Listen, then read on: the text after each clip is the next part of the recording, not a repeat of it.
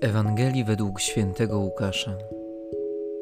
Jezus powiedział do swoich uczniów: Przyszedłem ogień rzucić na ziemię i jakże pragnę, ażeby już zapłonął.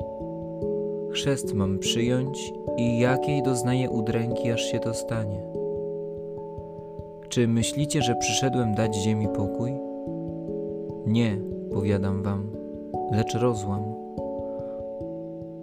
Odtąd bowiem pięcioro będzie podzielonych w jednym domu. Troje stanie przeciw dwojgu, a dwoje przeciw trojgu. Ojciec przeciw synowi, a syn przeciw ojcu. Matka przeciw córce, a córka przeciw matce. Teściowa przeciw synowej, a synowa przeciw teściowej.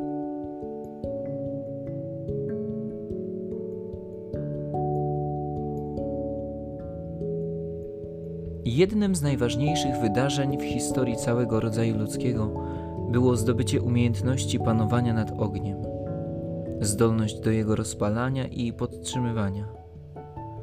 Od niepamiętnych czasów zapewniał on człowiekowi bezpieczeństwo, pozwalał przetrwać mroźne noce i odstraszał dzikie zwierzęta. Tlący się na końcu świecy lub jaśniejący na rozżarzonej pochodni – pomagał odnaleźć drogę zagubionym, a rozpalony w morskiej latarni wskazywał bezpieczny port. Lecz równocześnie ogromny i nieujarzmiony stał się symbolem klęski i zniszczenia. Liczne pożary trawiące całe miasta i wsie oraz wojny to momenty, kiedy żywioł ten był zbyt wielki, aby go opanować lub celowo kierował człowieka przeciw drugiemu, aby pozbawić go całego majątku. W Biblii ogień często jest symbolem żarliwej miłości Boga do człowieka. Jezus nie pozostaje neutralny ani obojętny wobec woli Ojca, ale jej wypełnienie staje się jego najgorętszym pragnieniem. Z miłości do ludzi pragnie oddać swoje życie Każdego z nas tak bardzo ukochał, że nie widział poza nim innego świata, nie dostrzegał żadnej innej możliwości, jak tylko złożyć się bez reszty w ofierze, abyś Ty miał życie w pełni. Prawdziwa wiara w Jezusa, w Jego zbawczą miłość przemienia człowieka, wpływa na sposób myślenia i zachowanie zmienia obraz świata i konstytuuje wartości, którymi powinniśmy się kierować. Lecz nie dzieje się to automatycznie.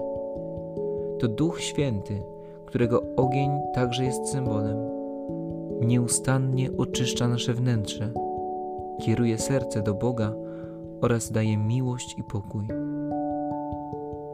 Bez Jego działania niemożliwe byłoby szukanie woli Bożej w naszym życiu odpowiadanie dobrem na zło oraz mężne przechodzenie przez próby. Lecz autentyczna wiara prowadzi także do tego, że wcześniej czy później dojdzie do konfliktu, który zapowiedział mistrz z Nazaretu. Wraz z upływem czasu każdy z nas stanie przed dylematem, za jakimi wartościami się opowiedzieć. Czy pójść na ustępstwo, czy pozostać nieugiętym w ważnej sprawie. Prośmy Ducha Świętego, aby udzielał nam daru męstwa, abyśmy w takich momentach potrafili zachować się jak należy.